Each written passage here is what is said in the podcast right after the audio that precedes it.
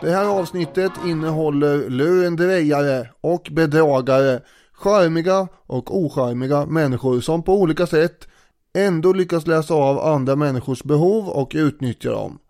Med stora leenden eller auktoritär hållning har de ingivit förtroende.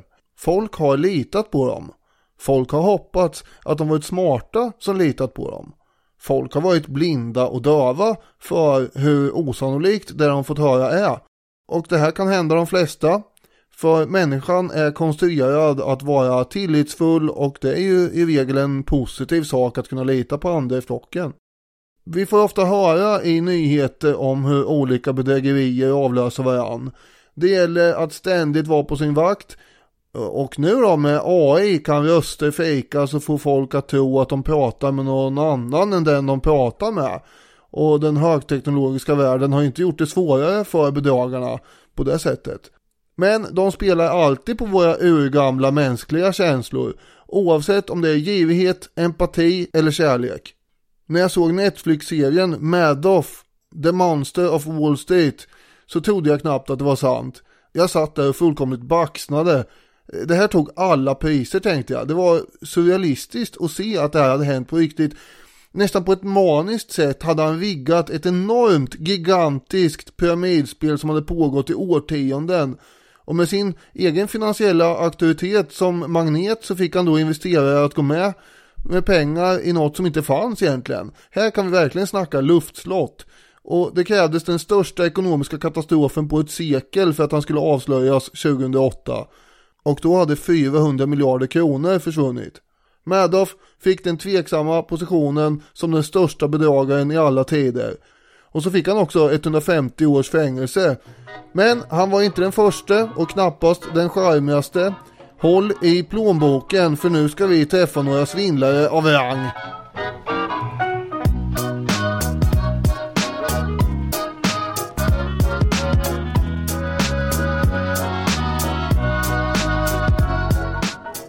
Ni är varmt välkomna till Historiepodden. Eh, Bernie Madoff, var det ett pyramidspel verkligen eller var det ett ponzi-upplägg? Ja, vi kommer väl till det här, men det är väl samma sak. Det är väl exakt samma ja. sak. Nej, det är väl inte samma sak. Nej, det är det inte. Det, då har Nej. vi intressanta diskussioner här framöver. Och jag är inte helt bergsäker på att jag har rätt, men det ska bli mycket intressant att höra hur du menar att det inte skulle vara samma sak. Ja, ja, fortsättning följer på den här frågan då. Ja, verkligen. Det här ser jag fram emot oerhört mycket nu. Bernie Madoff dog ju 2021 på samma fängelse i North Carolina där R. Kelly sitter idag. Det är lite intressant trivia. Nu vet vi det. Har du någon speciell relation till svindlaren, arketypen, the con man, the con artist? Nej, inte särskilt. Alltså con artist som du säger. Själva begreppet vad det betyder fick jag ju lära mig här i veckan då när jag slog upp det. Con, det betyder confidence står det för. Att man bygger upp Mm. någon form av eh, förtroende hos någon. Och sen eh, lurar man skjortan av en eh, på något sätt. Och det var ju en nyhet, men det är klart att till exempel den här filmen Catch Me If You Can ty- tyckte jag var ju väldigt bra ju Ja, med DiCaprio. Och eh, det finns ju, som vi kommer se, flera olika eh, bedragare som man nästan blir lite imponerad av när eh, man läser det. om det i historien. det finns ju en annan, Catch Me If You Can är väl eh, den senaste av de mycket framgångsrika blåsningsfilmerna, men annars är ju min mammas favoritfilm, tror jag, i alla fall en av hennes absoluta favoriter, Blåsningen från eh, 1973 med 70-talets två snyggaste män, Robert Redford och eh, Paul Newman i huvudrollen. Den såg man ju gång efter annan eh, under uppväxten. Och det handlar om de här charmiga typerna som genom insikten i, i människans karaktär och psykologi och genom att bara ha ett vinnande sätt kan ta sig fram där med allt annat än rent mjöl i påsen. Jag vet inte om Catch Me If You Can är den senaste filmen med den typen av innehåll. Ja men den senaste framgångsrika, den är ju nyare än blåsningen i alla fall. Ja men Oceans Eleven-filmerna har väl någon karaktär av eh, att lura med hjälp av förtroende också i en del Ja, fall. exakt. Men det är ju heistfilmer, det är, det är närbesläktat men ändå inte riktigt samma sak skulle jag säga. Jaha. Spännande. Jag tänkte förklara eh, att det finns en liten ämnesavgränsning här med. Det här kommer då framförallt, tänker jag i alla fall, handla om lurendrejeri som går ut på att eh, låta andra investerare sätta sina pengar direkt i handen på dig av någon anledning. Inte liksom eh, bedrägeri indirekt som till exempel kanske Ja, och hävda att Grönland är så himla grönt och fint så nu ska folk flytta hit och sen får jag någon fördel av det på någon omväg på något sätt. Eller predikanter eller trollkarlar eller något sånt där. Utan eh, här är folk direkt då som bara, ja, sätt pengarna hos mig så eh, kommer du tjäna på det och sen gör de inte det. Det är stålar det handlar om idag. Det är det ja.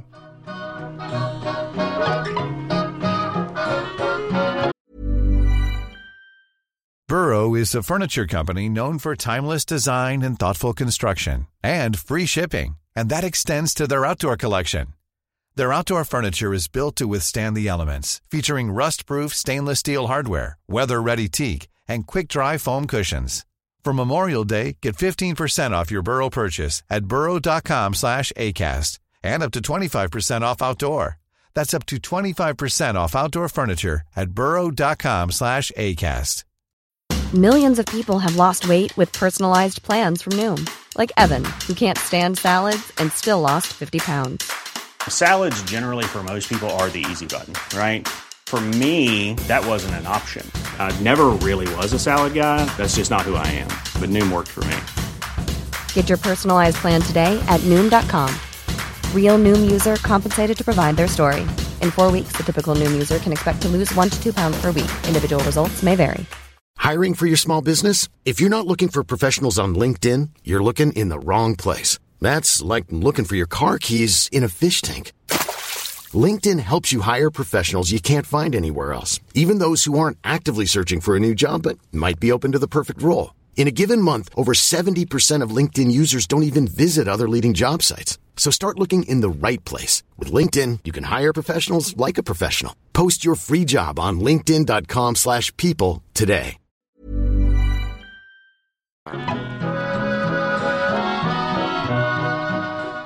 Vi kommer framförallt eh, hamna på 18 och 1900-talet här men eh, man har ju förstås eh, svindlat och skojat tidigare också, medeltiden till exempel.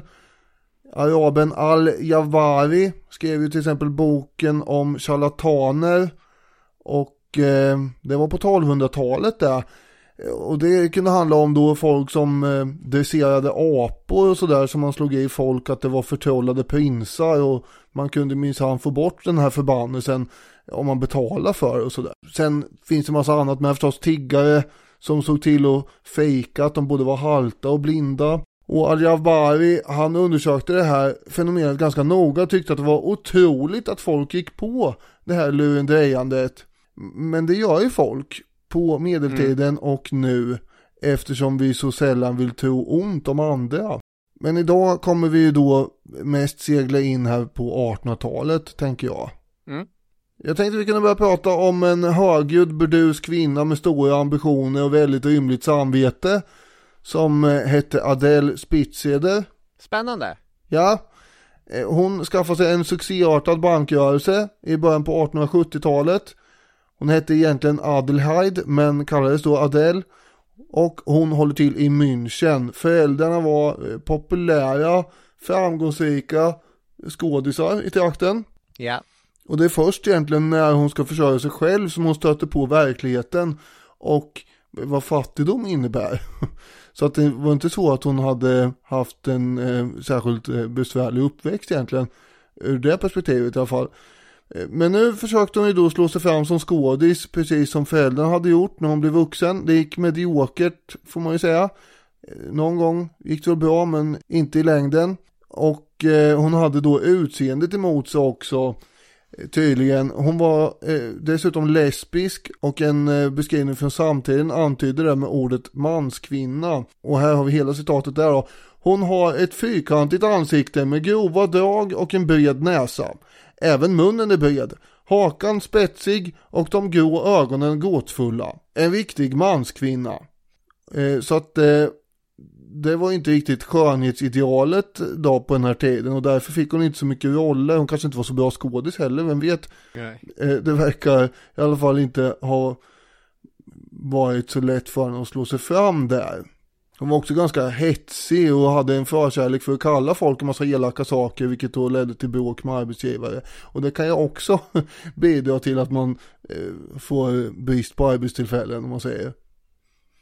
1868 var hon eh, då arbetslös och 36 år gammal. Försörjde sig genom att eh, leva på att hennes gamla mamma skickade lite slantar då och då. Vilket knappt räckte till mat och bostad då. Haken var ju också att Adele, förutom att kalla folk för elaka saker så tyckte hon ju om lyx. Och det är ju alltid fint med fina grejer. Och fina grejer var ju hennes hobby kan man säga. Inte minst så gillar hon att puffa på finfina cigarrer. Och det här är ju sånt som är svårt att få råd med om man är arbetslös va. München genomgår ju på den här tiden en industrialisering som eh, stora andra delar av Europa. Fabrikörer lånar stora pengar hos banker för att göra investeringar och sådär. Medelklassen i sin tur har ju sparkonton eh, inför framtiden och ålderdomen och så vidare. Och folk som är längre ner i den sociala hierarkin, de eh, har ju kanske inte möjlighet till de här sparkontona, men de har ju, kan ju ta pantlån och lånehajar och sånt där som håller på med ockerräntor. Och det är inte lika kul. En vårdag då, 1869, träffar Adele på en kvinna som bor i ett fattigt kvarter och eh, hon har trasiga kläder och sådär men de är inte helt utfattiga för hennes man har ju ett jobb som snickare men pengarna räcker liksom inte till ändå. Och lägenheten är kall och man lever alltid på marginalen sådär. Och då gav Adele henne eh, ett förslag. Om du ger mig 100 gulden så får du om tre månader tillbaka alltihop plus 10% ränta. Och kvinnan accepterar, det här var en bra deal ju. Eh, det gör vi, du får 100 gulden här. Och inte så långt senare så fick ju kvinnan tillbaka sina pengar och 20 gulden extra då. Och det här gjorde ju den här snickarhustrun väldigt nöjd. Och Adele uppmanar henne då, sprid nu den här glada informationen vidare till alla dina fattiga kompisar här i den här fattiga stadsdelen. Och det gjorde ju den här snickarfrun då. Och eh, Adele har jag alltså här presenterat för världen det jag menar är ett klassiskt trick numera. Och det kommer ju återkomma i historien många gånger. Eh, från Adele via en man som då heter Ponzi, som vi kommer till sen, till folk som försöker värva andra och sälja någon slags specialkaffe eller mirakeljuice. Och i min värld eh, så kallas det här för pyramidspel på svenska. Men det har vi tydligen delade uppfattningar om då. Vi får se. Eller vill du säga något? Egentligen skulle jag vilja hålla den här debatten tills vi kommer in på Ponzi, för ett Ponzi-bedrägeri och ett pyramidspel är ju, det är ju väldigt så här snarlika saker, men det är ju Ja. som rugby och amerikansk fotboll är också snarlikt, men det skiljer sig ändå i vissa aspekter. Ja okej, men då så. Då får vi avvakta och se vad det blir av det. Adele kunde ju lätt betala igen den här räntan som de tidigare investerarna ville ha med nya investerares insättningar. Och det är precis som Madoff också gjorde för övrigt. Det krävs ju bara nya kunder hela tiden. Eh, Och Adele hade inga problem att få nya kunder 1871. Citatet jag nämnde innan kommer från en artikel i Världens historia. Och eh, här kommer ett annat citat angående henne då, ifrån den tidningen. I oktober 1871 gick bankverksamheten så bra att Adele Spitzeder kunde flytta den och sin privata bostad till en ståtlig villa i Schönsfeldstrasse nära stadens centrala Odeonplats. Hon höll hov på bottenvåningen. På ett podium mitt i lokalen tronade Adele Spitzeder i en stor läderstol medan hon flankerad av två vakter skrev ut växlar. Ja, och här är ju fest va. Hon bjuder ju in samhällseliten i München på middagar här i början på 1870-talet var och varannan eh, vecka och eh, här ingår det ju förstås i paketet att man sitter och röker dyra cigarrer och det här är ju eh, viktigt att knyta kontakter inser hon ju och, och sen gäller det att tänka på Pia också så hon skänker ju mycket pengar till stans kyrkor och de allra fattigaste de får köpa klassisk eh, Münchenmat som surkål och korv extra billigt på olika utspisningskök och så. Som hon eh, skänker pengar till. Hon är poppis bland de fattiga här på grund av det. Å andra sidan så är det ju de fattiga kundernas besparingar som finansierar det hela, men det vet de ju inte om. Stans myndigheter börjar ju undra hur den här affärsidén egentligen ser ut emellertid. Och när någon bekymrat ifrågasätter det hela då, då får ju hon rabiata vredesutbrott och vrålar på kunderna. Färhuvuden! Jag säger som det är. Att jag inte erbjuder någon säkerhet för era usla pengar. Jag har inte bett er komma, ert pack. Jag skulle kunna be er dra åt helvete. Eh, sa hon bland annat. Och eh, det är väl mer eller mindre det hon gör. När man säger att man skulle kunna be någon dra åt helvete så gör man det, tänker jag. Ja, det, det ligger eh, underförstått där tycker man. Kanske knappt ens underförstått. Nej, eller hur? När folk i maktpositioner sen börjar misstänka skumma saker, då mutar de bara dem eller ger dem arbete på banken. Det är någon polis mm. som ställer jobbiga frågor, då får han en anställning och ett, ett guldur och allt möjligt. Och till slut hade banken då 40 anställda 1872. Det var ju folk som behövde betalas av. Banken heter för övrigt Dachauer Bank och har ungefär 500 kundbesök om dagen. Det är en stor ruljans här. Och till slut så kommer då myndigheterna med det fullt rimliga kravet att hallå du måste registrera dig som näringsidkare här i Bayern. Och eh, det var konstigt att hon inte hade behövt göra det innan men när hon då vägrar med argumentet att ja men va? Jag vet inte hur det här funkar, jag förstår mig inte på bokföring, jag har ingen utbildning. Då börjar kunderna bli bekymrade. Vänta, vad sa hon? Ingen utbildning? Och på hösten 1872 så började det sjungas visor om hennes skojarbank i stans olika ölkällare. De har ju en del sådana. Och hon har ju tidigare då försökt muta även tubadurerna att de inte ska liksom sjunga illa om henne. Men nu funkar inte det längre. Och folk börjar köa utanför banken för att få ut sina pengar. Men banken har då bara öppet en timma om dagen för att lindra den här blödningen av pengar. Och den 12 november 1872 så kan man väl säga att farsen är slut. Det är en arg folkmassa som försöker pressa sig in på banken och står och skanderar utanför. Först klockan fyra på dagen dock kommer polisen och stormar hela stället och griper Adele. Och under husrannsakan så hittar man ju pengar både här och var under golvbrädor och så vidare. Och hon har ju också förskingrat en massa pengar till sin flickvän. Och efter väldigt mycket räknande så blir ju resultatet att, jaha, det saknas 38 miljoner gulden här, vilket då motsvarar 4 miljarder kronor idag. Och vi har 31 000 kunder som är panka, eller har blivit panka under den här processen. Somliga har ju då sålt sina gårdar och allt som de hade för att få del av den här väldigt lovande avkastningen i hennes bank. Och så blev det så här. Det är otroliga summor det handlar om ändå. Det är inget litet svindleri det här. Nej, eller hur? Det är ju därför det får platsa här kan man säga. Och det här är ju någon form av pionjärbrevad hon har ägnat sig åt också. Kunde man göra så här verkligen? Ja det kunde man ju. Fick man göra så här? Nej, det fick man inte. Men lagarna var ganska dåligt utformade i, den här tiden då den moderna bankrörelsen håller på att formas överhuvudtaget. Så hon fick fyra års fängelse för förskingring och bristande bokföring. Ganska lågt straff egentligen om man jämför med till exempel Madoff. ja, absolut. Han höll på längre. Ja, det gjorde han ju och det var ju 400 miljarder och inte 4 miljarder då, men ändå. När hon sen kommer ut i friheten igen så försöker hon ju fortsätta fiffla några gånger till men det går väl inte så vidare bra. Och eh, hon dör 1895 ganska anonymt i jämförelse med den eh, uppståndelse hon hade orsakat på 1870-talet. Just det.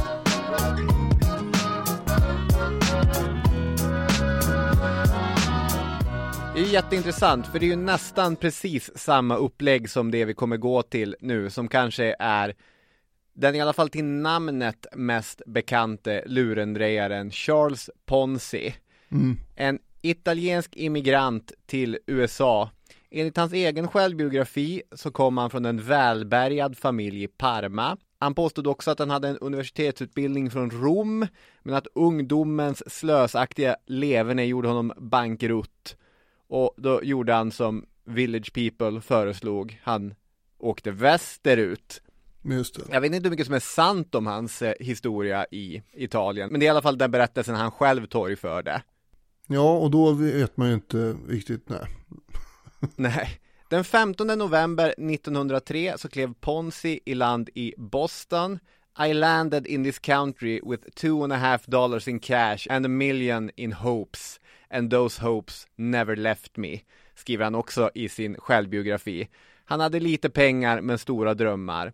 Han är också med andra ord samtida med den kändaste svenska migranten Joel Hägglund, Joe Hill, som bara några månader tidigare klivit i land i USA. Och för många av de här europeiska migranterna så var ju livet tufft. Man försökte bygga ett nytt och bättre liv, men istället så blev det ett kuskande runt i jakt på olika jobb. Så var det för Joe Hill och så var det för Ponzi. Han är servitör i New York, han är målare i Florida. Men ingenting blir riktigt bra. Så han har hållit på sådär i 15 års tid då hans liv tar en ny riktning. Tillbaka i Boston så har han träffat Rose Gnecco, eh, en ung italiensk kvinna som har fallit hals över huvudet för den stilige och charmige Ponzi. Och nu gifter de sig 1918 och Ponzi får ta över svärfars livsmedelsbutik som han direkt drev i botten. Mhm. Det låter som att det här är ingen vidare affärsman. Nu, det var ju för sig lågkonjunktur direkt efter första världskriget. Han var inte ensam om att ha en affärsverksamhet som gick väldigt dåligt där åren direkt efter första världskriget. Men ändå. Sånt här hindrar ju inte en initiativrik, entreprenöriellt lagd fifflare som Ponzi, Nej. utan han har ju nya idéer. Ska jag inte dra igång en publikation som handlar om internationell handel? Allt jag behöver är ju ett lån. Tyvärr så var det väldigt svårt för Ponzi att hitta någon bank som var beredd att gå in och sponsra den här äh, publikationen. Så ja, hans utmärkta idé, den föll redan på första hindret. Och kanske var han redan på väg mot nästa idé när ett brev damp ner med posten.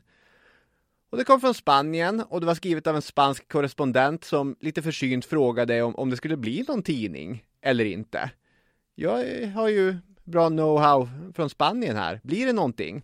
Och i brevet så fanns en internationell svarskupong. Ja. Typ som ett frimärke eller ett förfrankerat kuvert för att kunna skicka ett svar tillbaka till Spanien. Och en sån kupong kostade 30 centavos i Spanien och kunde bytas in mot ett amerikanskt frimärke värt 5 cent.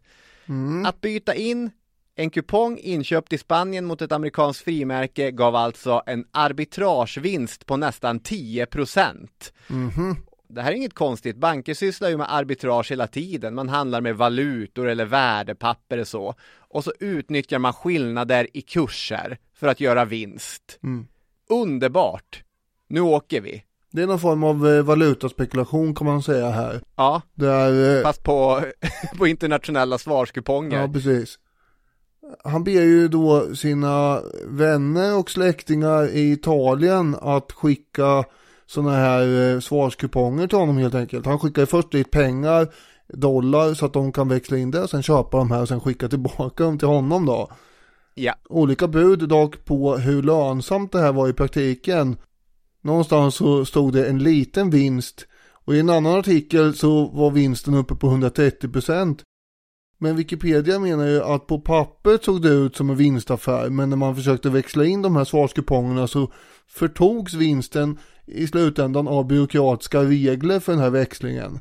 Ja, och det är alltså hur mycket vinst man kunde göra har ju också lite grann att göra med eh, kursen på respektive europeisk valuta. Ju Ja. svagare den var i relation till dollarn, desto större vinst kunde du göra. Men oavsett vilket så är det ju väldigt små vinster som dessutom förutsätter flera olika steg av inväxling eller försäljning för att ge någonting tillbaka. Så även i en värld där allt det här hade skett utan massa byråkratiskt tjall eller vad man ska kalla det så skulle ju kräva enorma kvantiteter för att det skulle ge någonting. Men det är ingen fara, tänker Ponzi. Man kan ju bara ljuga För han påstår ju nämligen att han har agenter hemma i Europa på massa olika ställen. De gör inget annat än att köpa in kuponger och skickar till USA. Som du sa, i själva verket så var det väl släktingar hemma i Italien. Och sen så håller han ju hemligt när folk frågar Ja men hur gör du för att byta in kupongerna mot frimärken och sen mot cash? Hur går det till? Det kan jag ju såklart inte berätta. Det är ju hela min affärsidé. Då kommer ju alla konkurrenter göra precis samma sak. Och så kan han slå till med ett deal som är ännu bättre än vår tyska skådespelare, vår bayerska skådespelare till och med. 50% tillbaka på investeringen efter 90 dagar. Mm. Så vi har alltså en halvt trovärdig förklaring till varifrån pengarna ska komma. Vi har ett vinnande sätt, Charles Ponce är charmig, han är stilig, folk vill lita på honom och vi har ett storartat löfte, jättemycket pengar tillbaka. Och jag menar ju att det finns likheter mellan det här upplägget, ett Ponzi-upplägg och ett pyramidspel. Inte minst när intresset ökar, för då börjar ju Ponzi lägga ut mer och mer av försäljningen på agenter, som i sin tur eh, la ut det på underagenter. Ja, det hör jag, det påminner om ett pyramidspel. Men i ett pyramidspel, där är ju rekryteringen själva poängen. Ja, I fast, ett pyramidspel vill du ju vara så nära toppen som möjligt. Och det är de som är längst ner som aldrig kommer få sina pengar tillbaka. Men hos Ponzi är ju inte huvudsyftet att rekrytera. Eh, när du investerar så har du inget eh, krav på dig att dra in fler investerare. Utan Nähä. det gäller ju bara att håva in pengar och sen få in så mycket pengar, precis som du sa i det tidigare exemplet, att de nya investeringarna kan täcka den utlovade vinsten till de första investerarna. ja, Och på så sätt får man igång ett sorts rullande system. Och det är ju ett ponzi-upplägg i min värld. ja, men att det är de första investerarna som får tillbaka pengar, det är det som också gör det till ett pyramidspel lite grann. Om du kommer in sent i det hela så är det ju som du säger längst ner hela tiden och då då är du ju körd om du inte kommer in nya under dig så att säga. Så det är ju ändå som ett pyramidspel, det måste hela tiden in nya. Och den här idén, den officiella affärsidén med svarskupongerna, det är ju precis det som är motsvarigheten till det här fantastiska potenshöjande kaffet eller en stärkande juicen som eh, man försöker sälja runt om även i Sverige förstås och, och rekrytera folk som ska hjälpa en att sälja eh, de här grejerna. Det är det som är motsvarigheten till det svarskupongerna alltså, är kaffet eller juicen. Men i verkligheten är det inte där varken Ponzi eller någon annan tjänar pengar utan det är ju att det kommer in nya investerare. Så visst tusan är meningen att rekrytera nya, annars så faller ju allting. Det var ju precis samma som för Madoff där då. Att det måste in nytt, nya pengar hela tiden. För att om någon börjar ta ut pengar, eh, ja då är det ju inte bra alls. Nej, så är det. Men alltså i i ett ponzi-upplägg så erbjuds du avkastning utan krav på rekrytering. Jo. Det gör du inte i ett pyramidspel. Nej. Okej, det finns en liten skillnad. Men... Eh, men det bygger ändå på att det kommer in fler hela tiden. Ja, alltså jag bestrider inte att de här är väldigt snarlika. Nej, okej. Det lät lite som det i början när du hakade upp det på att jag beskrev det här som pyramidspel.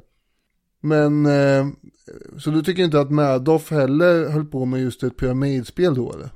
Nej, jag tycker att Madoff håller på med ett ponzi-upplägg. Ja, det gör han ju.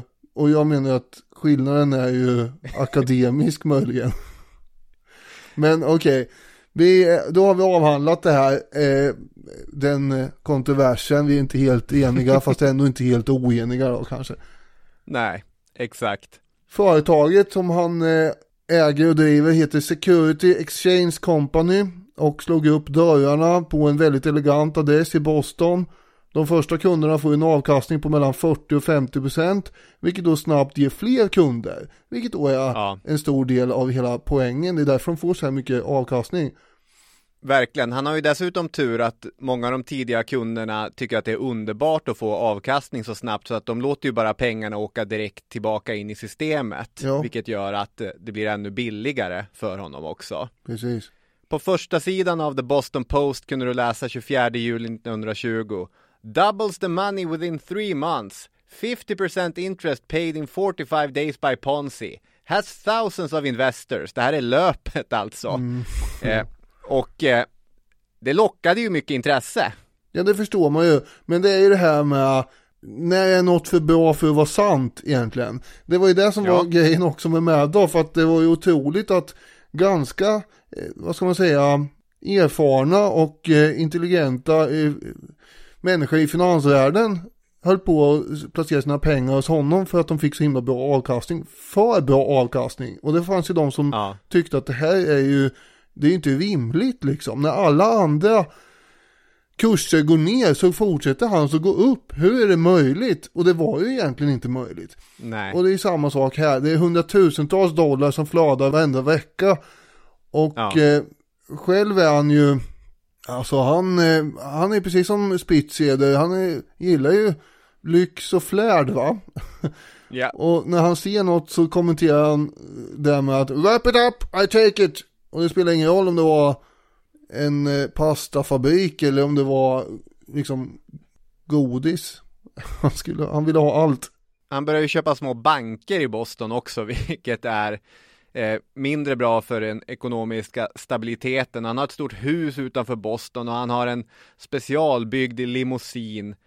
Pråliga kläder, det är ju den amerikanska drömmen förverkligad. Här steg jag i land med 2,5 dollar i fickan och titta på mig nu. Förgylld promenadkäpp och dyra sidenskjortor. Ja, han är nöjd.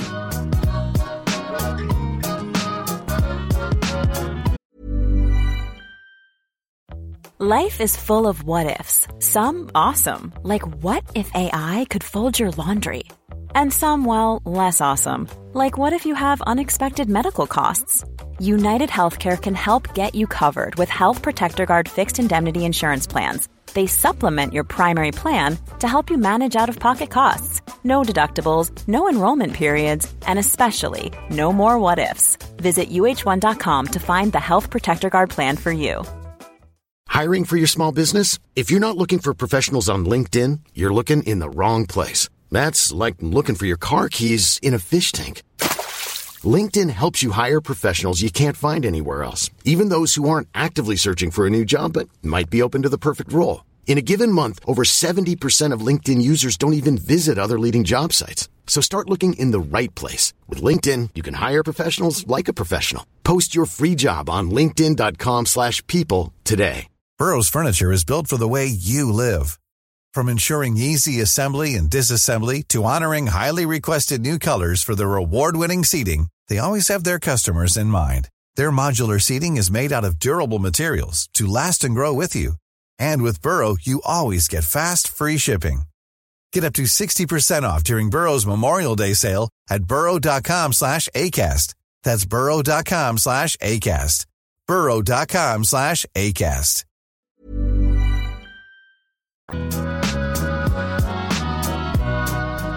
Den här uppmärksamheten, inte minst den mediala uppmärksamheten, till exempel med den löpsedeln som jag pratade om, den ledde ju bland annat till att amerikanska postverket eh, i New York Times garanterade att den här typen av affärer som Ponzi pratade om, det var helt omöjligt. Men sen var det massa tekniska orsaker till varför det inte var så. Och det är ju lättare när någon säger jo, det är möjligt. Titta på det, jag har ju betalat ut stålar till massa människor. Här står en tråkig byråkrat från posten och säger att enligt den och den bestämmelsen är det omöjligt. Nej, det funkar inte. Nej, det vill man inte ha. Ja. Däremot börjar journalisterna i Boston känna sig lite irriterade att eh, de har blivit, eh, att de har agerat som en slags eh, reklampelare för Ponzi och de börjar undersöka de här affärerna mer och mer. Ja, till exempel då tidningen eh, The Boston Post sätter ju en erfaren finansiell reporter på att undersöka fenomenet Ponzi då. Och han heter Clarence Barron och upptäcker ganska snart att eh, de här stora vinsterna som görs måste ju motsvara enorma mängder svarskuponger. Mm. Och Eh, det skulle alltså behövas upp mot 180 miljoner kuponger i ruljans. Och så många fanns inte. Det fanns bara 27 000 kuponger på global nivå fick han veta. Och då börjar man fundera verkligen på hur det här kan gå ihop. det är liksom ganska tydligt att det inte går ihop då, även om det är den som skulle meddela den informationen är en grå, tråkig byråkrat så förstår man att den här matematiken klaffar inte. Och Världspostföreningen hade ju också skurit ner på möjligheterna att växla in sådana här kuponger när den här efterfrågan sköt iväg. Och många länder hade börjat dra sig ur det här samarbetet. Och dessutom noterar ju den här Baron då att Ponsis privata investeringar var i mer traditionella aktier, obligationer och i banker som du nämnde och fastigheter. Med en väldigt försiktig avkastning på 5% ungefär. Och, och varför, Ja. varför höll han på så om han nu hade en egen affärsidé som är så strålande att den kan ge 50%? Mm, mm, ja. Mm. I början av augusti så publicerar The Post eh, sitt stora scoop eh, där det bland annat finns vittnesmål om att Ponzi i själva verket var 4,5 miljoner dollar back. Mhm. Och människor blir ju såklart eh, mycket oroade över det här. Det blir en bankrusning och folk vill ha tillbaka sina pengar. Han menar själv att han betalade ut en miljoner dollar på en enda dag. Ironiskt nog kan det här ha hjälpt honom tillfälligt också eftersom om man tog ut sina pengar i förväg så fick man bara tillbaka insatsen så han blev av med en massa krav på avkastning som ganska snart skulle ha tickat på för honom annars. Mm. Han är en charmör också. Och Ja. eh, när folk står och trängs där utanför kontoret och vill in och de kommer in, eh, då, han måste ju ha varit förvånad förstås, bara vad händer nu, vad fasen också, de där tidningarna håller på och skriver om något, ja ja, och så kopplar han på sitt största smile och börjar bjuda på munkar, står där med en kaffebryggare, i- inte bryggare kanske, men en kaffekanna i högsta hugg, bara hallå, eh, här ska det vara en munk, ja, ta en slurk eh, kaffe här med. Jaha, ja du vill ta ut pengarna, ja men det, det kan du få göra, men det är inte särskilt förnuftigt vet du, det är inte alls bra, men varsågod och gör det. Och så som du säger, det är ju mycket pengar som rullar ut här, men eh, han kan ju betala ut de här pengarna och stämningen ska ju då ha vänt också på det här kontoret under tiden då eftersom han var så himla jovial och charmerande Ja. och verkade helt obrydd om att eh, folk försökte ta ut sina pengar, vilket de kunde göra. Och eh, någon ropade till slut där att du är den största italienaren av alla! Varpå Ponce då vänder sig om och svarar med ett väldigt självsäkert leende. Nej, två har varit större. Columbus som upptäckte detta förträffliga land och Marconi som uppfann den trådlösa. Och då ska den här mannen ha kontrat med Men, men, men, men Ponsi, det var ju du som uppfann pengarna! Ja, det är... Det var du som hittade vart pengarna fanns. Precis. Det var ju inte riktigt så heller. Vi vet ju också att Adele Spitzeder till och med kom på eh, det här som egentligen då är ett ponzi scheme före honom. Men, eh, Ja. men ändå. Det här påminner ju ganska mycket om, det är inte en bankrusning men strategin är ju detsamma. Det påminner ju ganska mycket om när Boris Johnson kom ut i morgonrock med tekoppar till eh, de här journalisterna som Ja, satt och hängde utanför hans hus och bara väntade på att eh, få honom att uttala sig. Så kommer han ut där och, grabbar, ni måste ju frysa. Det är ju kallt. Ta en kopp te. Ta en kopp te. ja ju. Och de smälter ju va. Boris, din tokige fan. Vad håller du på med? Vad snällt. Ja. Men eh, situationen är ju bara temporärt räddad i och med det här. Han eh, försöker hyra in en PR-agent som ska bättra på hela situationen och det gör det bara värre istället. För den här agenten förstår ju vartefter att alltihop är ett enda stort bedrägeri och Ja. vill inte bli inblandad själv. Nej, han byter sida, börjar hjälpa åklagaren istället. Och han uttalar sig också med orden Mannen är en ekonomisk idiot. Han sitter med fötterna på skrivbordet och röker dyra cigaretter från ett diamantetui. Medan han talar fullständigt nonsens om sina postkuponger. Ja det här, det var ju inte bra. Nej. Samtidigt som en av de mest eh, kritiska artiklarna i The Post publicerades så var Ponzi inbokad att tala vid en av Bostons klubbar, The Kiwani Club. Och ursprungligen var han inbokad för att eh, debattera med en tankeläsare där. Men eh, det verkar aldrig ha blivit av. Tankeläsaren schappade eller så hände något annat. Istället blir det en sorts eh, utfrågning eller offentlig frågestund med Ponsi. Och det är ganska spännande att se de olika rubrikerna som sätts efter den frågestunden. I The Boston Globe så var löpsedeln Ponzi tells Kiwani Club how he got his millions. Och eh, den är ändå ganska så här, inlyssnande. Okej, okay, Ponzi har eh, förklarat en hel del här. Medans eh, The Chicago Tribune har löpsedeln. Ponzi reveals Philosopher's Stone. Zero plus zero equals dollars. Alltså det är det vises sten. Noll plus noll är lika med dollars. Ja, eh, ja. Vad menar de med det egentligen? Att, att hans affärsidé är orimlig? Att den är alkemi, den är ja. luft. Ja. Det finns ingenting. Nej. Och sen börjar ju upprullningen på riktigt också, för nu börjar det komma medieuppgifter om att Ponzi, han har ju suttit i fängelse. Jaha. Han satt i två år, 1908 till 1910, för att han i Kanada har förfalskat checker. Och han satt i fängelse i Atlanta efter att ha smugglat italienare över gränsen till USA. Mannen är ju en bluff. Vad fanns? Ja. Ja, det blir husrannsakan och eh, diverse lokala och statliga utredningar görs ju också om Ponzi. Och de är klara den 11 augusti. Och eh, ett problem är ju då att han har placerat stora pengar i 45 banker här. Som nu riskerar att dras med i det här fallet. Och eh, han försätts ju i konkurs då förstås. Grips den 13 augusti och åtalas på 86 punkter. Mm. Han får ju tre och ett halvt år eh, i fängelse. Sen blir det en ny dom 1925 eh, som överklagas. Då drar han till Florida och börjar med en ny affärsverksamhet i form av försäljning av träskmark. Vilket, det är ju en av de här grejerna som är tidiga indikationer på att eh, den amerikanska börsen kommer krascha, att det är massa eh, värdelös eh, träskmark i Florida som säljs och bara går upp och upp och upp i pris. Så där pratade vi om i börskraschavsnittet. Ja. Så där går Ponzi omkring som en binderboy och säljer träskmark i Florida. Det var han med ja. ja.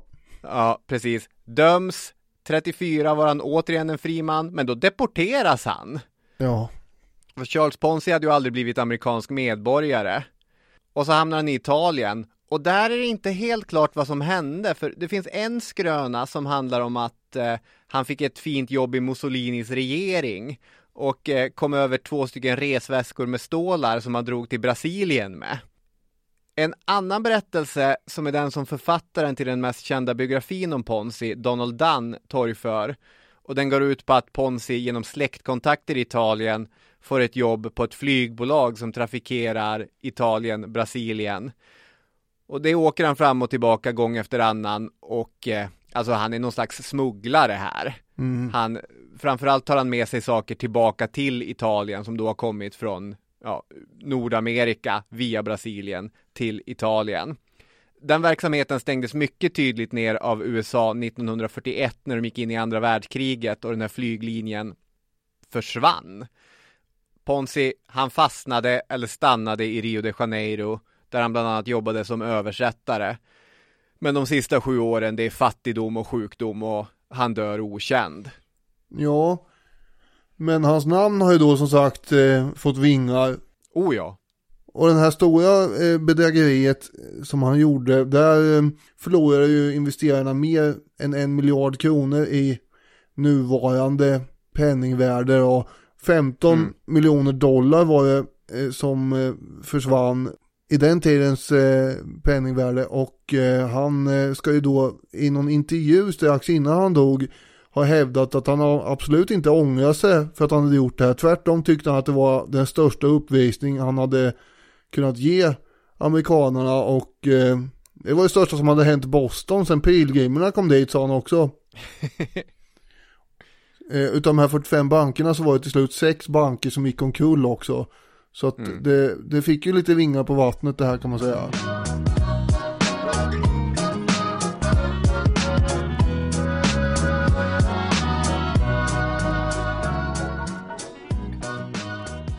Jag har en liten story här också om eh, en kvinna som heter Therese Humbert, fransyska, eh, som 1881 var 25 år, charmant, elegant människa, gift med en eh, Fredrik Humbert, vars eh, far senare blev justitieminister. Och det är lite relevant. eh, Therese, Hon gick då in på en bank i Paris och förklarade att eh, när hon var i USA ett par år tidigare så hade hon åkt tåg och då hade en eh, annan passagerare plötsligt fått hjärtattack. Men hon rotade minsann fram lite luktsalt och därmed så hade tydligen det här hjärtat kvicknat till på den här mannen. Och det visade sig att eh, den här amerikanska mannen hette Robert Henry Crawford och var mångmiljonär. Och han hade ju då blivit väldigt tacksam över att hon hade räddat hans liv förstås. Och han lovade att det här ska vi belöna vid tillfälle. Och nu hade tydligen det här tillfället kommit. För hon hade fått brev där det stod att Crawford hade testamenterat hela sin förmögenhet till henne. Och det här handlar om 100 miljoner franc. 27 miljarder kronor idag. Och haken, det fanns en sån nämligen, det var att förmögenheten låg ju då fortfarande i ett kassaskåp som skulle vara stängt tills det att Therese syster av någon anledning var gammal nog att gifta sig med en av Crawfords brorsöner. Och det där kunde ju ta en stund förstås, för hon var ju fortfarande ganska ung. Men det var alltså inget snack om att hon skulle få pengarna. Och här finns ju en del som luktar unket. Ja, det känns som man har fått ett brev av en nigeriansk prins här. Mm. Då ska vi komma ihåg att den saken hade ju aldrig hänt tidigare. och inte vid det här laget heller, för vi är på 1880-talet. Och banken verkar inte ha tyckt att det här var, de kände inte den där unkna doften, utan de beviljar då ett stort lån. Och det här var inte sista gången som Therese använde den här testamenterade förmögenheten som säkerhet för lån, om man säger så. Tvärtom så var det massor med långivare som väldigt villigt ställde upp och hon och familjen kunde flytta in i en svindyr paradvåning. Och eh, ja, men hon skaffade en stab på ett 20-tal uppassare och tjänstefolk. Hon har tillställningar där gräddan av den parisiska eliten minglar runt. Det är både president och premiärminister som står där med glas och snittar. Och eh, en vän till familjen förklarar senare att eh, alla som var något inom politiken, juridiken eller finansvärlden hamnade förr eller senare i familjen Humberts hem. Sen då börjar det ju sliras med återbetalningar och då börjar vissa fordringsägare vilja se de här pengarna som då ska finnas i något kassaskåp. Men då skyller Therese på att de här brorsönerna till Crawford, det är de som är motsträviga och de vill inte acceptera det här testamentet på något sätt. Och när myndigheterna då undersöker den här saken så får de faktiskt träffa de här brorsönerna. Och det är bra och så. Men i verkligheten så är ju det här Therese egna bröder som då är insyltade och har spelat någon slags roll som brorsöner till den här amerikanska mångmiljonären. Och de tillsammans för övrigt också syskonen startar någon form av försäkringsverksamhet som banker och andra kan investera i. Och med de pengarna så kan de betala av somliga av de här fordringsägarna som har lånat ut eh, pengar som är mest högljudda och i övrigt så kan man shoppa och fästa upp de här pengarna med. Snarare än att man investerar dem. Och det sjuka är att det här pågick i 20 år ungefär. 1883 så hade i och för sig tidningen Le Matin ifrågasatt trovärdigheten i allt det här. Men vid det laget så var ju Therese svärfar justitieminister Gustav Humbert och han kunde då garantera att hennes historia är sann här. Helt och hållet. Hon har fått det här testamenterat till sig. Troligen, tänker man idag, så var han själv helt grundlurad. Ja. En dag, 1896, så kom dock bankägaren Paul Gerard hem till Therese. Och hans bank hade ju lånat ut stora summor och nu hade han hamnat i svårigheter och bad om att få tillbaka pengarna. Vilket Therese väldigt nonchalant vägrade gå med på. Och då tar den här Gerard förtvivlad och desperat fram en revolver och börjar skjuta mot henne.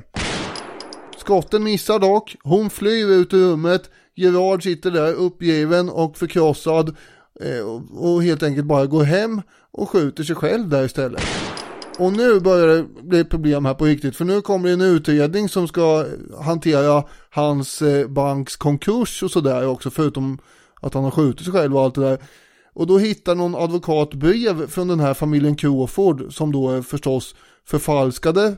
Han försöker då spåra den här avsändaren men adressen finns inte borta i USA och någon Robert Henry Crawford verkar ingen ha hört talas om heller. Och alltså kanske det inte finns något arv heller. Och herregud, och fler och fler fordringsägare börjar nu undra hur hänger det här ihop egentligen? Och återigen så är det då tidningen La Matin som kräver att nu ska det här kassaskåpet öppnas. Och Therese och hennes familj, de inser att nu är det roliga slut efter 20 år, så de hinner fly landet och dra därifrån då. Eh, och så öppnar polis och åklagare det här kassaskåpet till slut och hittar då, ja vad hittar de? Det finns olika bud på det här. På ett ställe så står det att det bara är en tegelsten som ligger där. Och att den här, det här kassaskåpet senare också ställdes ut i något skyltfönster för övrigt med den där tegelstenen. I en annan artikel så anges det att det fanns ett mynt och en byxknapp och någon gammal tidning. Oavsett så fanns det i alla fall inga hundra miljoner franc i det där kassaskåpet. Nej. Och eh, den franska finansvärlden blir djupt skakad.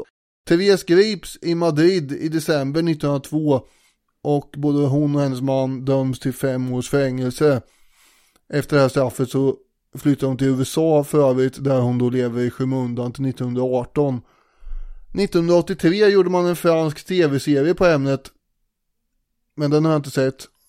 Nej, det här är ju en annan eh, typisk eh, lurendrejar-modell. Mm. Eh, att eh, lura sig till eh, lån som man egentligen inte har rätt till. 1861 så publicerades det en anonym biografi i Stockholm. Det är ingen författare som anges och den enda detaljen som finns är namnet på tryckeriet, J.A. Ris. Och första stycket är på ganska lång tid har ingen person som varit i Stockholm tilltalad för brott väckt ett så allmänt och berättigat uppseende som Johanna Lovisa Åkerberg. Bedrägerier är och i allmänhet mera sällsynta i Sverige, åtminstone såsom föremål för domstolshandläggning än i de flesta av de starkare befolkade länderna i Europa. Allra mest ovanligt är att bedrägerier här förövas av det kvinnliga könet. Den svenska kvinnan har under alla tider bibehållit en redbarhet som utmärkte våra förfäders husfruar och som är källan till den rättskaffenhet som ännu idag utmärker även kärnan i den manliga befolkningen.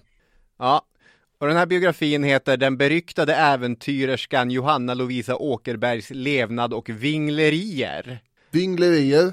Vinglerier. Den eh, handlar om eh, en kvinna som föds utanför Mariefred, flyttar till Stockholm som tonåring och blir kammarjungfru hos en friherre, träffar en grosshandlare som gör henne gravid. Hon förlorar sin anställning, hon förlorar också barnet, men hon har vant sig vid lyxen va? Detta gift, lyxen. Och då börjar hon istället att bedra människor för att ha råd med sitt leverne. Använda sin charm och sin vana att föra sig ibland de högre stånden.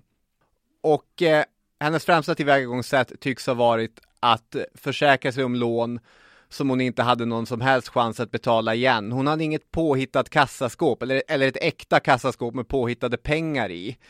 Men hon kunde presentera sig som att hon var adlig eller i alla fall från societeten och lite grann som att hon kände de här människorna. Hon fick ganska många att låna ut pengar till henne, vad det verkar. Och det kunde handla om stora lån, men det var också vanligt att hon bara gick fram till någon på gatan och agerade som att hon kände personen i frågan och beklagade sig över att jag skulle precis betala för de livsmedel vi ska ha här i huset i veckan, men jag tycks ha glömt min portmonnä. Kan jag möjligtvis få låna en sedel? Och så fick hon låna lite pengar, så, stort och smått. Och eh, 1861, samma år som biografin kom ut, åkte hon fast i alla fall. Och den här biografin, den var väldigt uppmärksammad, den trycktes i flera upplagor och, och folk pratade om den på stan. Men det spännande med den här berättelsen, om jag inte har missat något uppenbart, är att hon är inte genomforskad alls. Det, noll träffar på henne i Libris förutom biografierna från 1860-talet. Och hon har Wikipedia-sida och ja, men det finns någon annan podd som har gjort ett avsnitt om henne och, och sådär. Men det, det finns ingenting annat att gå på, vad jag har sett. Det finns ingen än- forskning alls. Nej, Det är intressant. ja precis. Så sitter du där och letar efter ett spännande projekt. Johanna Lovisa Åkerberg. Om den här biografin har rätt och hon dömdes för saker och ting, då finns det ju fullt med papper att läsa. Det är bara go for it. Så hon flyttade från Mariefred till Stockholm. Ja, Och det här är på 1840-talet. ja. Ja, för man behöver ha lite sådana faktauppgifter för att veta var man ska börja menar jag. ja, så är det. Alltså det finns ju, det finns en hel biografi om henne så att det, det är mycket där som Mm. bara skulle behöva kollas. För som, den har ju en liten tendens där att eh, använda henne som ett eh, moraliserande exempel. Men det kan ju också vara helt riktigt såklart. Det, det skulle vara bra om någon kikade på det här åt oss. Det påminner lite om Humbert. Ja, det gör det.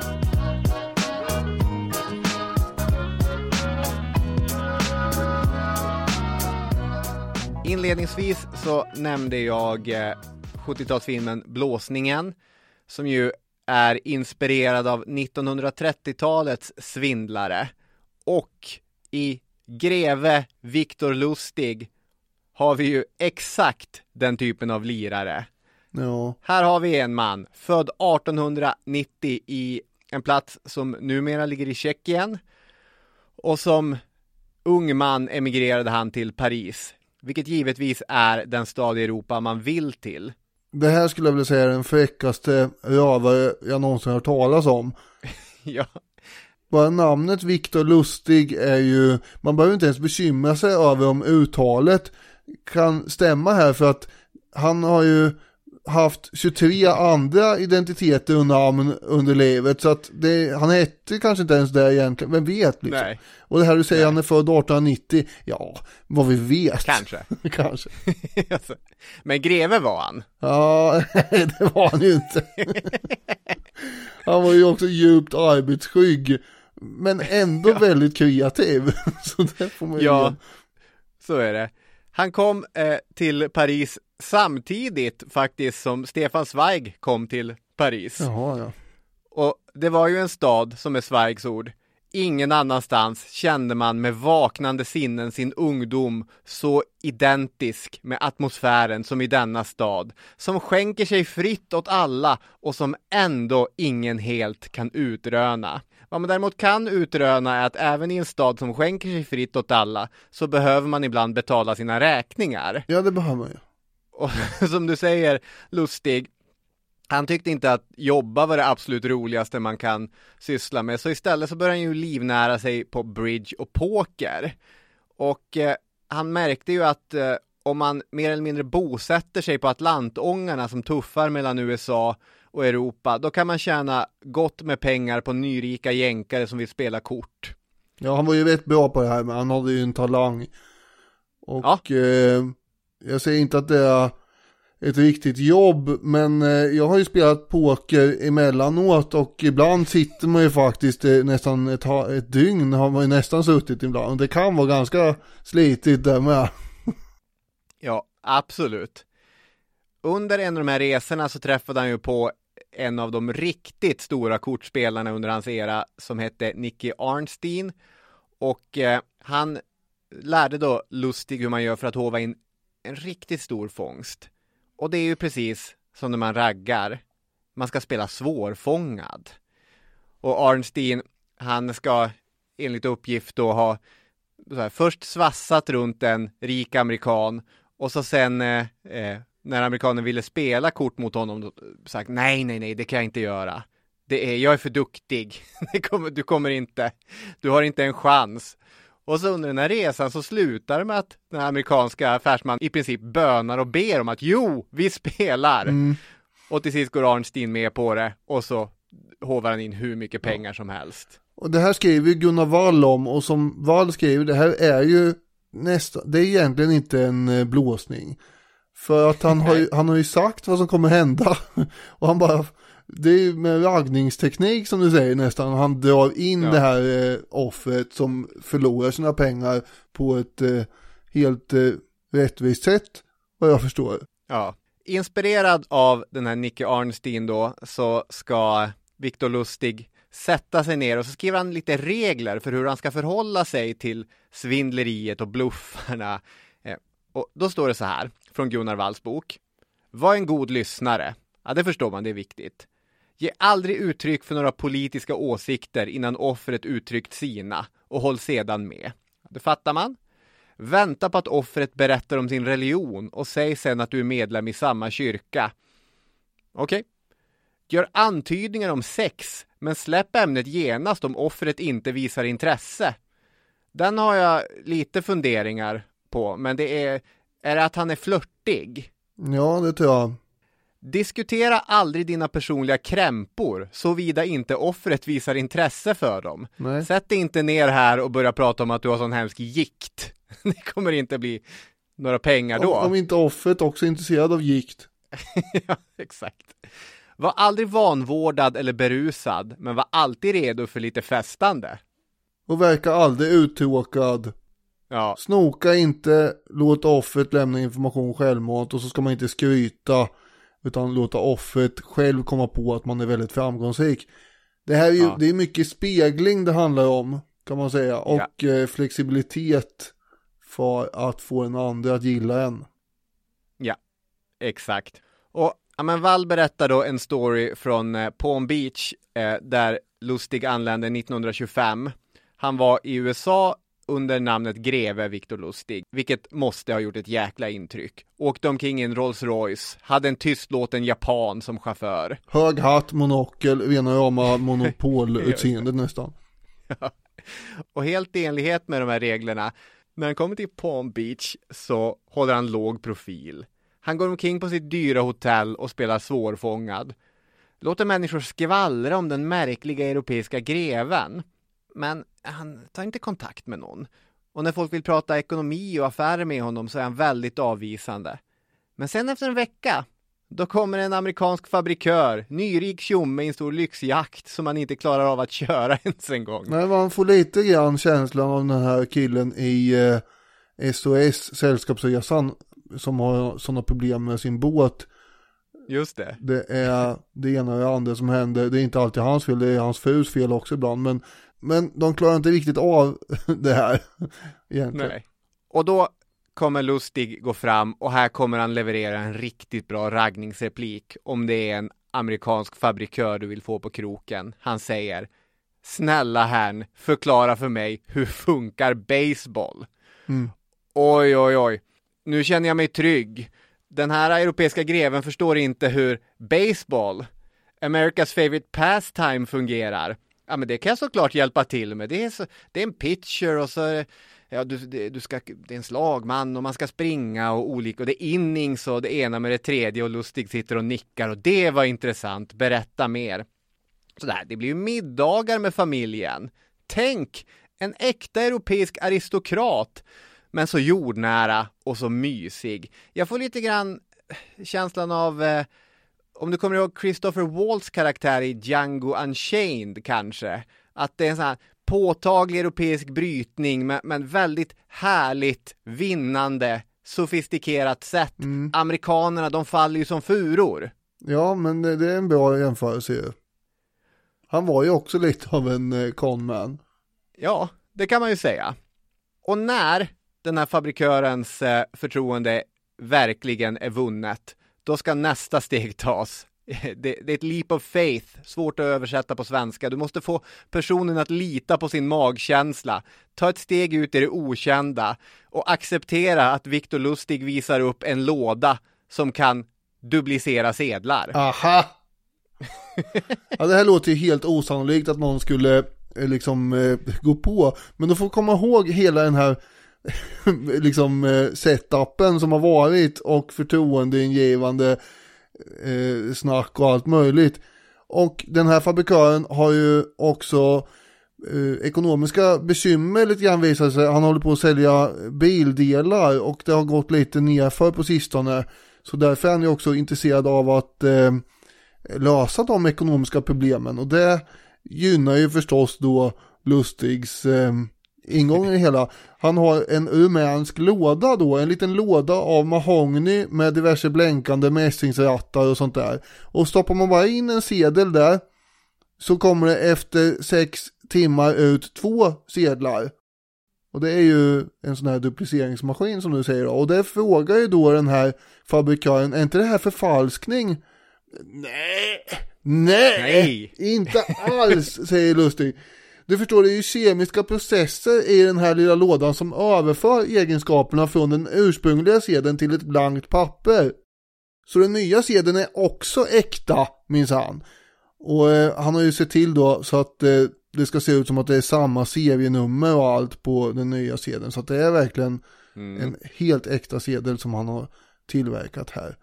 Och för att understryka det, att det här är sant då, så tar han till och med med fabrikören till en bank där de intygar att den här äkta sedeln är äkta som de nyss har gjort då.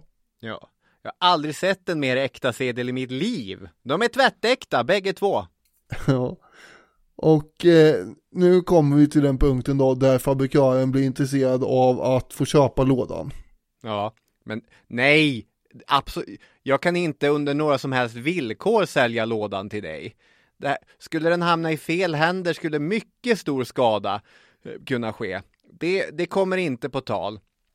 Och nu återigen så blir det den här situationen som är amerikanen på Atlantångaren som bad om att få förlora sina pengar i kortspel mot Nicky Arnstein. Att fabrikören, ha- han bönar och ber och lovar och svär att jag kommer bara använda den själv och inte i så stor utsträckning och snälla, snälla, sälj lådan till mig. Ja, för 25 000 dollar då kanske. Ja, Ja. Och då får han det. Och eh, Lustig schappar från Florida med pengarna fort som ögat. Och det kommer ta åtminstone sex timmar innan den här fabrikören fattar att något är lurt. För att det tar ju så lång Ja. tid att eh, duplicera sedeln i frågan. Ja, det här tricket använde ju Viktor Lustig eh, flera gånger och egentligen det som han tyckte var mest besvärligt med det var att han var tvungen att skaffa en ny låda eh, varenda gång. En gång lyckas han ju snacka sig ut ur ett fängelse i Oklahoma med den där lådan också. Och han får sheriffen att eh, släppa honom och sen betala 10 000 dollar för den här lådan. Och, Ja. och det är ju helt otroligt egentligen. En annan berättelse från USA-tiden, den här är inte med i Gunnar Walls bok, men den finns med i flera artiklar, eh, internetartiklar om, om Lustig. Det är att han också blåste Al Capone Ja, genom att eh, gå till Al Capone och säga att jag har världens bästa investeringsmöjlighet. Allt jag behöver är 50 000 dollar. Sen tog han pengarna, satt och rullade tummarna i två månader och så återvände han till Al Capone med varenda sedel och sa Du, det föll igenom. Det blev ingenting med det här. Men här har du alla dina stålar tillbaka. Och då ska Al Capone, enligt berättelsen, det här var en riktig hedersknyffel. Och så får han några tusen dollar för att han Ja. har betett sig så, så ärligt. precis. Ja, det är någon slags förtroendeskapande manöver det där. Han har ju inte, han har ju i och för sig, på sätt och vis har han ju lurat av Capone några tusen dollar där om det här stämmer. Men eh, han har ju inte svindlat på, ja, jag vet inte hur man ska se det. Han har ju inte gått back på det i alla fall. Nej.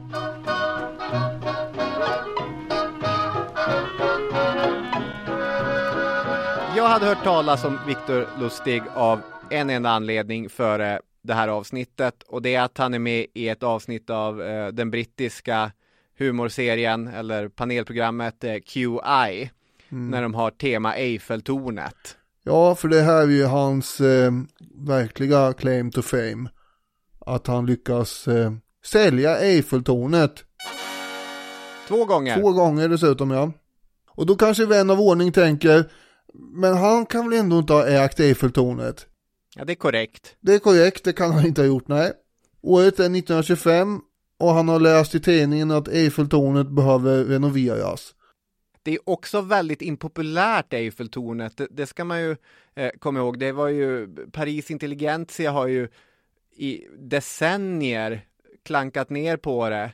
Verlaine kunde högst temporärt vakna upp ur absintdimman och sen skriva en lång och rasande debattartikel om hur vi har ett skelett som vi låtit bygga i Paris. Och i samma avsnitt av QI så finns det en eh, berättelse om någon annan av de franska författarna eller konstnärerna som åt lunch varje dag i Eiffeltornet för det var enda stället i Paris där man slapp titta på Eiffeltornet.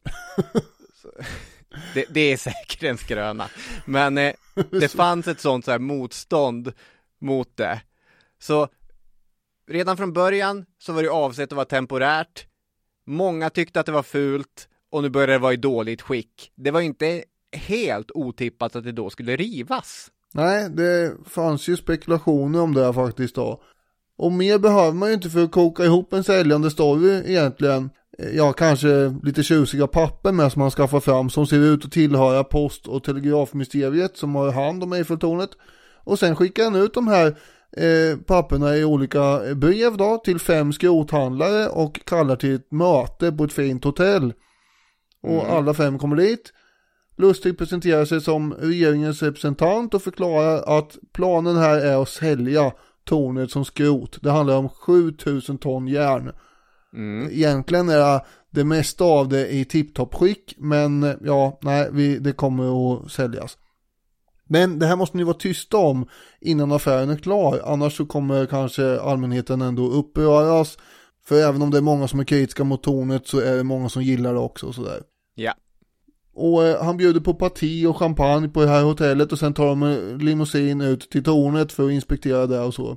Får gå före i kön. Ja, hur han löste det vet jag inte riktigt men det hade han väl ordnat på något sätt. Eventuellt bara självförtroende. Ja. Och sen kommer då anbuden in. Som jag ser det, egentligen står ju hela den här idén och faller med en enda sak. Och det är ju korruption. För varför är det inga möten på departementet där Lustig säger att han jobbar? Han spelar ju här en korrupt statstjänsteman. Och bluffens genialitet är ju alltså att förutom att den utvalde skrothandlaren måste ta ut lån för att täcka den här stora kostnaden för kontraktet så måste han ju också muta Lustig för äran att få bli blåst. Ja. Och han har ju valt den av de fem som han tycker är mest bonnig eller mest lättlurad. Och när de har det här sista mötet, även det på ett hotell, alltså inte på departementet, så ska han ju ha sagt också någonting i stil med att eh, eh, jag förstår nog vad det här handlar om och liksom skjutit ett kuvert över bordet för att visa att jag är ingen lättlurad bondpojke utan jag vet hur man för sig i sådana här sammanhang. Ska en fransk tjänsteman sälja någonting, ja då måste man ju muta dem lite grann också. Så det slutar med att eh, Lustig får både check och muta där då. Ja, Den här gången hade han också haft med en medkumpan i kuppen. Dapper Dan Collins. Ja, vill du säga något mer om honom? Ja, inte annat än att eh, Dapper Dan är ju namnet på hårpomadan i Coen-filmen Oh Brother Where Art Thou.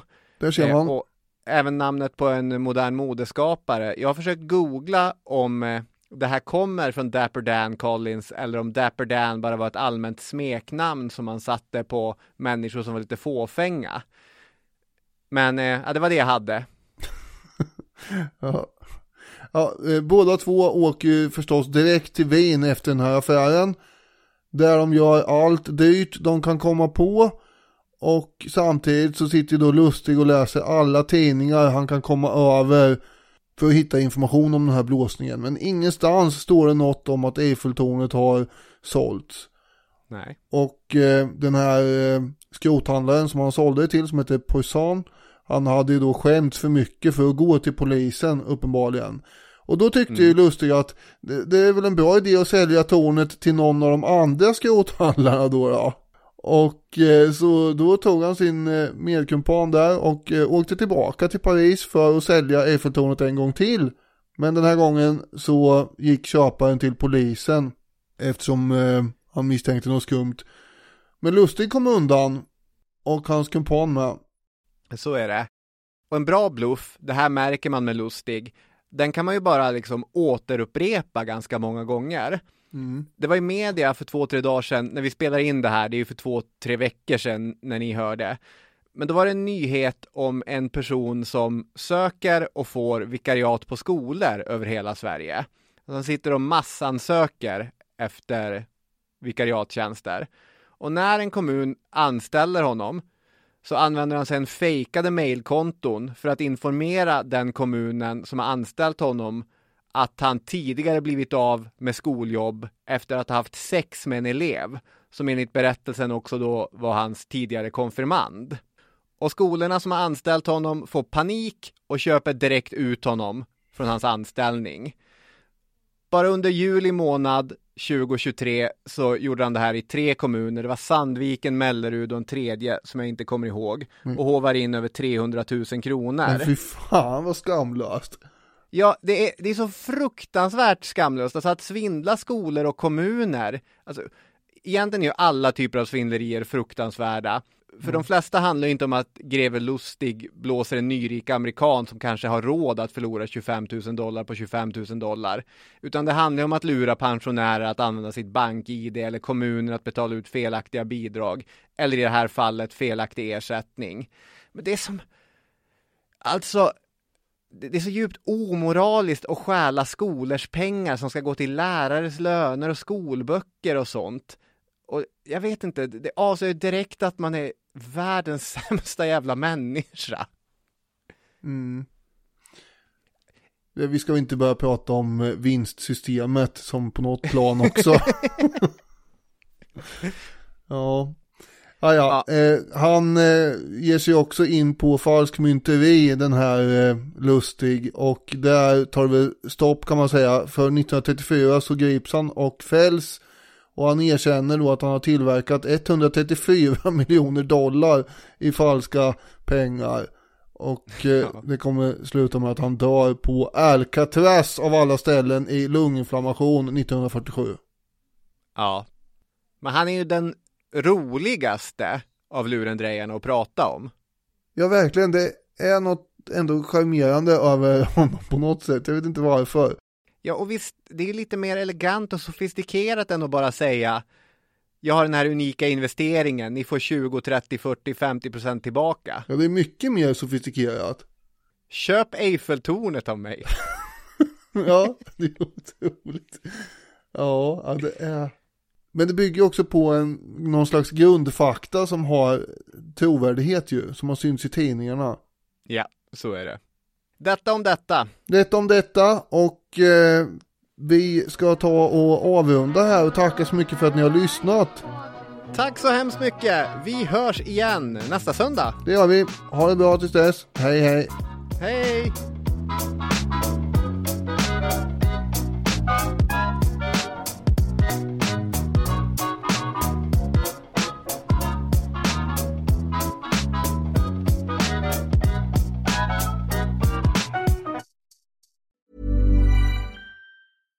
Even when we're on a budget, we still deserve nice things. Quince is a place to scoop up stunning high-end goods for 50 to 80% less than similar brands. They have buttery soft cashmere sweaters starting at $50, luxurious Italian leather bags, and so much more. Plus, Quince only works with factories that use safe, ethical, and responsible manufacturing. Get the high-end goods you'll love without the high price tag with Quince. Go to quince.com slash style for free shipping and 365-day returns.